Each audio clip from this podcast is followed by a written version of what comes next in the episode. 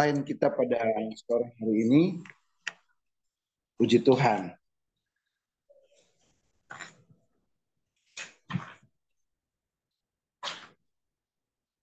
Kebenaran firman Tuhan pada sore hari ini di dalam Wahyu pasal yang kedua,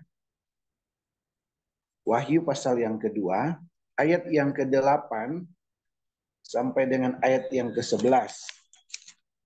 Wahyu pasal yang kedua, ayat yang ke-8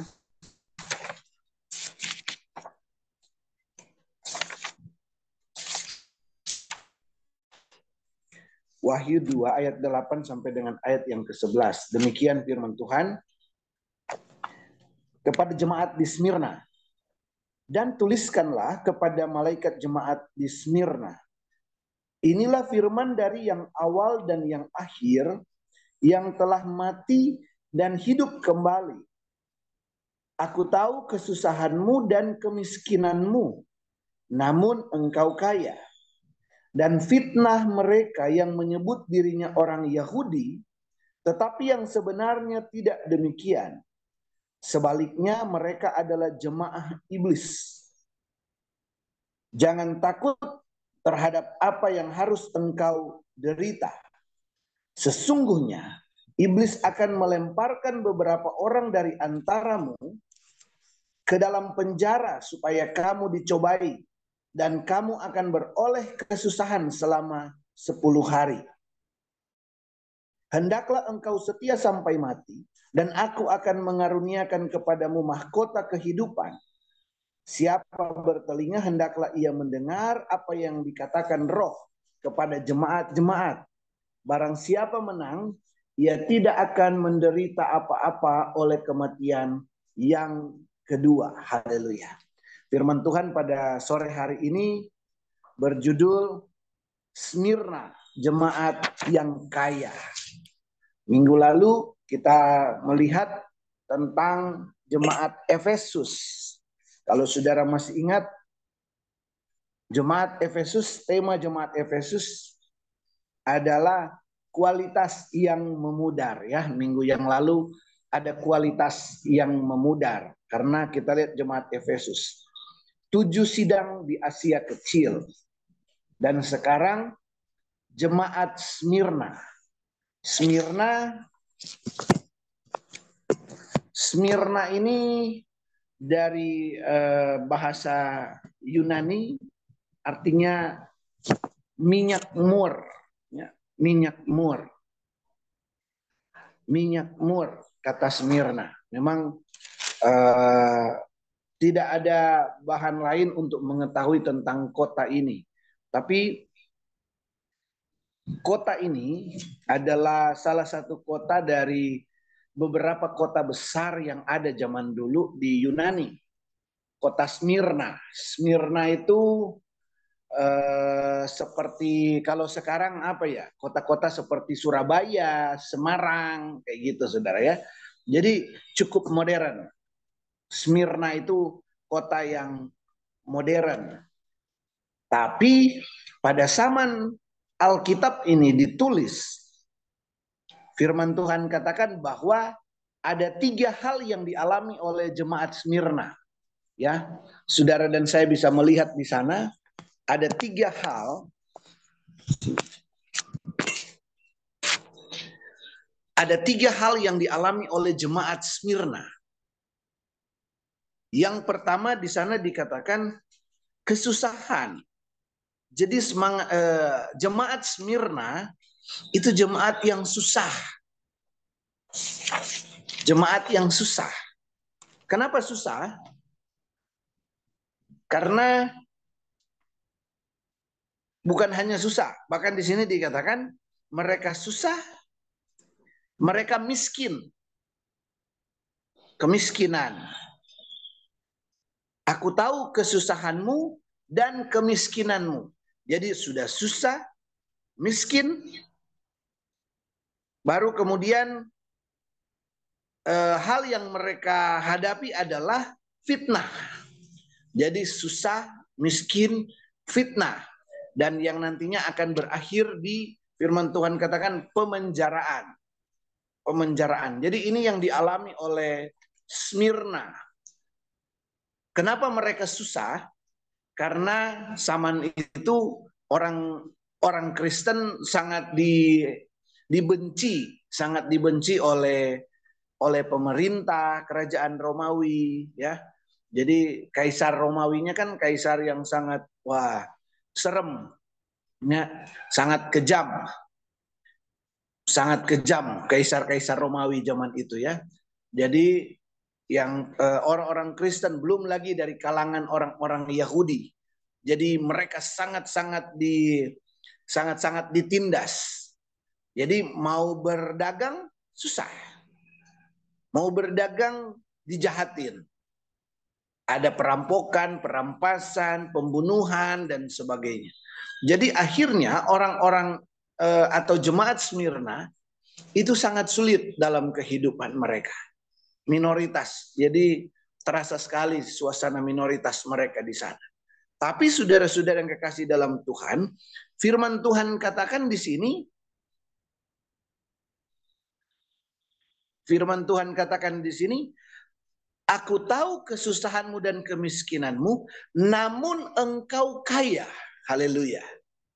Jadi cara Tuhan melihat itu berbeda dengan cara kita manusia melihat. Bagi kita manusia, oh miskin. Tapi bagi Tuhan bahwa jemaat ini adalah jemaat yang kaya, kata firman Allah. Kita minggu yang lalu kita lihat tentang jemaat Efesus. Jemaat Efesus dicela oleh Tuhan. Kamu telah meninggalkan kasihmu yang semula. Tapi jemaat Smyrna kalau saudara lihat, Tuhan tidak ada tidak ada celaan dari Tuhan. Tuhan tidak tidak memarahi orang Smyrna. Sekali lagi mereka ada di dalam cobaan yang berat, mereka ada dalam ujian yang berat, tetapi tidak ada celaan dari Tuhan. Bahkan Tuhan katakan apa? Kamu adalah eh, namun engkau kaya. Ini kata Tuhan.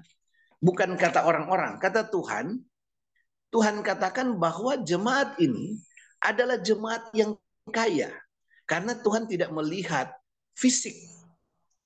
Tuhan tidak melihat apa yang tampil. Tetapi eh, apa yang apa yang terlihat di sana, saudara yang kekasih dalam Tuhan?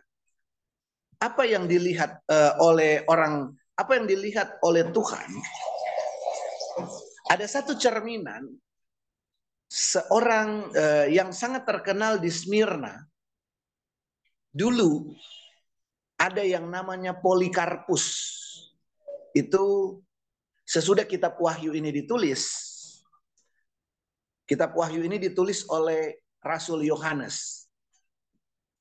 Rasul Yohanes punya seorang murid namanya Polikarpus itu adalah uskup di Smyrna. Dialah yang menjadi pemimpin dan jadi Smyrna. Nah, saudara-saudara yang kekasih dalam Tuhan, Polikarpus ini ditodong, dia di apa diminta untuk menyangkal Tuhan, menyangkal Yesus. Polikarpus yang uh, adalah apa jemaat Smyrna yang tampil sebagai pemimpin waktu itu dia berkata ketika diminta untuk diminta untuk menyangkal Tuhan diminta untuk menyangkal Tuhan Polikarpus berkata gini aku telah 86 tahun melayani Yesus Kristus dan selama 86 tahun ini tidak sekalipun dia mengecewakan aku. Masa akan aku mengecewakan dia? Dan akhirnya dalam sejarah Polikarpus ini dibunuh karena mempertahankan iman. Orang-orang Smyrna adalah jemaat yang terkenal karena pertahanan iman mereka. Pertahanan iman mereka. Ini terkenal Smyrna adalah dan kalau saudara membaca, kita sudah membaca ayat 8 sampai dengan ayat yang ke-11 itu, di sana diperlihatkan secara apa kalau kita melihat bahwa salah satu salah satu alasan Tuhan tidak mencela mereka, malah Tuhan memuji mereka, adalah karena mereka komitmen di dalam kesetiaan itu. Apa apa yang dilakukan oleh jemaat Smyrna di sini? Karena di sini dikatakan ayat 10, jangan takut terhadap apa yang engkau harus derita. Ini Tuhan berkata kepada mereka. Sesungguhnya iblis akan melemparkan beberapa orang dari antaramu ke dalam penjara. Ini bentuk nubuatan. Apa yang akan terjadi? Supaya kamu dicobai dan kamu akan beroleh kesusahan selama 10 hari. Hendaklah engkau setia sampai mati. Dan aku akan mengaruniakan kepadamu mahkota kehidupan. Jadi Tuhan menyuruh mereka Tuhan Tuhan meminta kepada Smyrna untuk tetap bertahan sekalipun mereka mengalami tantangan. Dan mari kita lihat satu Petrus pasal yang pertama ayat yang keenam apa yang saya percaya bahwa Tuhan menilai bagian ini ketika Tuhan berkata bahwa orang Smyrna adalah jemaat yang kaya. Sekali lagi bukan kaya di dalam hal materi, tetapi apa sih yang dilihat oleh Tuhan? Kenapa orang Smyrna ini disebut jemaat yang kaya? Satu Petrus pasal yang pertama, ayat yang ke-6, satu Petrus 1 ayat yang ke-6. Firman Tuhan berkata demikian. Bergembiralah akan hal itu Sekalipun sekarang ini kamu seketika harus berduka cita oleh berbagai-bagai pencobaan. Jadi ada duka cita oleh berbagai-bagai pencobaan. Tadi jemaat Smyrna mengalami kesusahan, mengalami kemiskinan, mengalami fitnah, mengalami pemenjaraan. Karena sebagai anak Tuhan tentu ya, sebagai anak Tuhan. Mungkin kalau mereka tidak sebagai anak Tuhan, mereka tidak mengalami kemiskinan. Mereka bisa berdagang, mereka bisa melakukan kegiatan ekonomi, mereka tidak dibenci, malahan orang banyak bantu dan sebagainya. Tapi karena mereka mempertahankan iman, mereka dibenci. Tapi di sini dikatakan, bergembiralah akan hal itu. Itu sebabnya Smyrna disebut jemaat yang kaya. Dari mana kekayaan itu? Karena ketika jemaat-jemaat menghadapi masalah dan tantangan, mereka tetap bergembira di dalam Tuhan. Jadi Tuhan katakan, oh memang mereka menghadapi banyak tantangan, tapi mereka bergembira. Mereka bergembira. Jadi saudara-saudara yang kekasih dalam Tuhan, tantangan yang kita hadapi, apa yang saudara sedang alami sekarang? Tantangan dalam keluarga kah? Tantangan dalam pekerjaan kah? Tantangan dalam kehidupan sehari-hari kah? Tantangan-tantangan yang lain? Atau sakit penyakit dan sebagainya. Firman Tuhan katakan bahwa sebetulnya cobaan-cobaan itu ayat yang ketujuh, pencobaan itu ayat yang ketujuh. Maksud semuanya itu ialah untuk membuktikan kemurnian imanmu. Jadi orang-orang Smyrna membuktikan bahwa iman mereka kuat ketika sekalipun menghadapi badai dan tantangan. Mereka kuat di dalam menghadapi masalah. Siapa kita yang tidak punya masalah? Semua manusia punya masalah. Ya, semua manusia punya masalah. Ada yang pernah berkata bahwa memang manusia ini sejak dilahirkan memang akan menghadapi masalah. Buktinya apa? Seorang anak kecil saja yang lahir, kalau dia lahir, anak yang dilahirkan ya, di sini ada ibu-ibu yang pernah melahirkan, anak kalau lahir, kalau nggak menangis berarti lagi bermasalah tuh anak.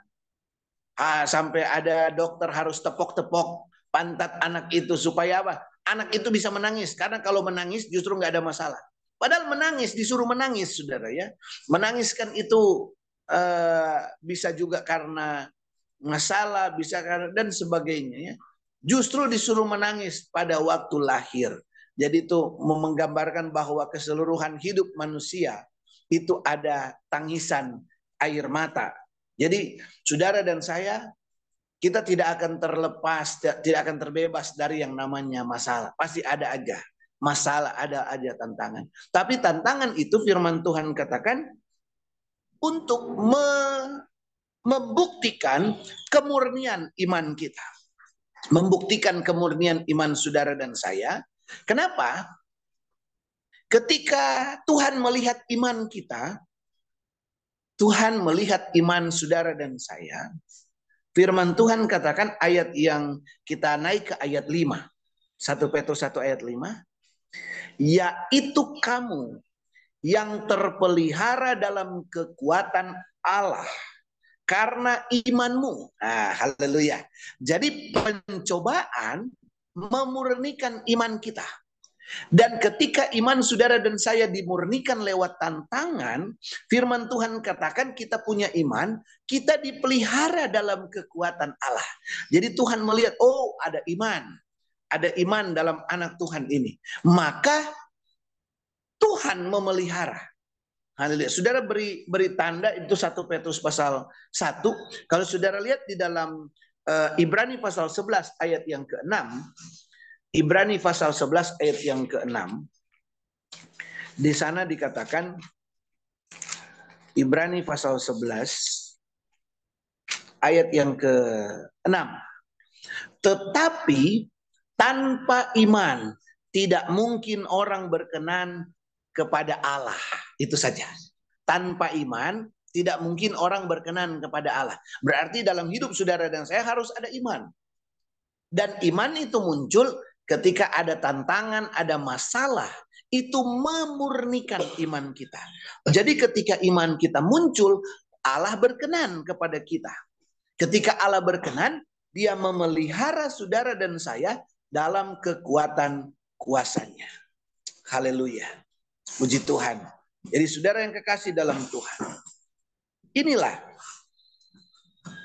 pencobaan melahirkan kemurnian iman, kemurnian iman menghasilkan pemeliharaan Allah. Dan kemudian kalau kembali kepada satu Petrus pasal yang pertama, ayat yang keempat itu, ayat yang keempat, untuk menerima. Jadi memang kita mundur ya saudara. Membaca ini ayat 7 dulu, ayat 6, ayat 5 baru ayat 4. Ayat 4-nya untuk menerima suatu bagian yang tidak dapat binasa, yang tidak dapat cemar, dan yang tidak dapat layu, yang tersimpan di sorga bagi kamu. Haleluya. Jadi pencobaan menghasilkan kemurnian iman, kemurnian iman kita punya iman yang murni, kita di, ber, Tuhan berkenan dan kita dipelihara dalam kekuatan Allah untuk apa? Ketika saudara dan saya dipelihara karena kita sedang menuju kepada kerajaan sorga untuk menerima bagian yang tidak dapat binasa itu. Menerima bagian yang sudah disediakan oleh Tuhan. Jadi sekarang kita mengerti kenapa Tuhan berkata kepada jemaat Smyrna, Aku tahu kesusahan dan kemiskinanmu, namun engkau kaya, kata Tuhan. Kenapa kaya? Karena Tuhan sudah melihat, Tuhan sudah menyiapkan yang terbaik, pemeliharaan Allah sempurna, bahkan sampai kepada sampai kepada Eh, kerajaan Allah yang kekal sudah dipersiapkan bagian-bagian yang kekal sudah dipersiapkan dan Tuhan lihat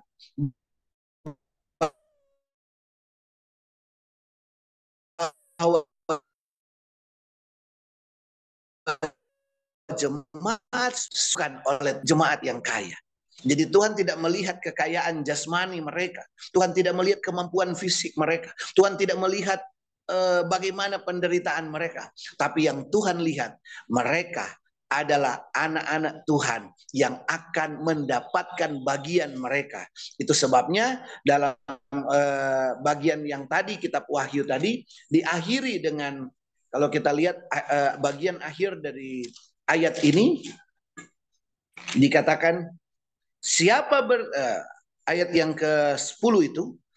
Bagian terakhir ayat 10 bagian terakhir. Hendaklah engkau setia sampai mati dan aku akan mengaruniakan kepadamu mahkota kehidupan. Haleluya. Mahkota kehidupan. Jadi saudara-saudara yang kekasih dalam Tuhan apa pun tantangan kita, apa pun masalah saudara dan saya, selalu ada di dalam Tuhan, selalu setia di dalam Tuhan, supaya kita terpelihara dalam kekuatan Allah. Dia akan membuka setiap jalan, dia akan merawat saudara dan saya. Dia akan memelihara kita. Untuk apa? Dengan satu tujuan. Nanti saudara dan saya terpelihara sampai kepada kedatangan Tuhan atau sampai kepada kerajaan Allah yang kekal. Jadi percayalah hidup saudara dan saya ada di tangan Tuhan. Tetap beriman kepada Tuhan, tetap percaya kepada Tuhan. Dan firman Tuhan katakan Smyrna jemaat yang kaya. Sesuai dengan judul pada sore hari ini. Smyrna jemaat yang kaya. Sekali lagi kaya apa? Iman mereka. Kesetiaan mereka. Komitmen mereka Ya, orang-orang Smyrna, jemaat Smyrna adalah jemaat yang luar biasa. Iman mereka berkumandang ke seluruh penjuru. Orang-orang tahu siapa jemaat Smyrna. Bahkan itu tadi saya sudah cerita, salah satu jemaat Smyrna yang menjadi menjadi pemimpin mereka yaitu Polikarpus. Itu juga mereka menghadapi masalah beban dengan tidak gentar karena mereka tahu Yesus beserta dengan mereka. Apa yang menjadi masalah saudara? Jangan khawatir, jangan takut. Yesus bersama-sama dengan kita. Dan Yesus mengatur semuanya. Pokoknya kita berjalan saja dalam iman. Dan saya percaya pemeliharaan Allah. Tuhan yang akan berurusan dengan saudara. Dia tahu apa yang menjadi kebutuhan keperluan saudara. Yang penting datang setia kepada Tuhan pelihara iman kita.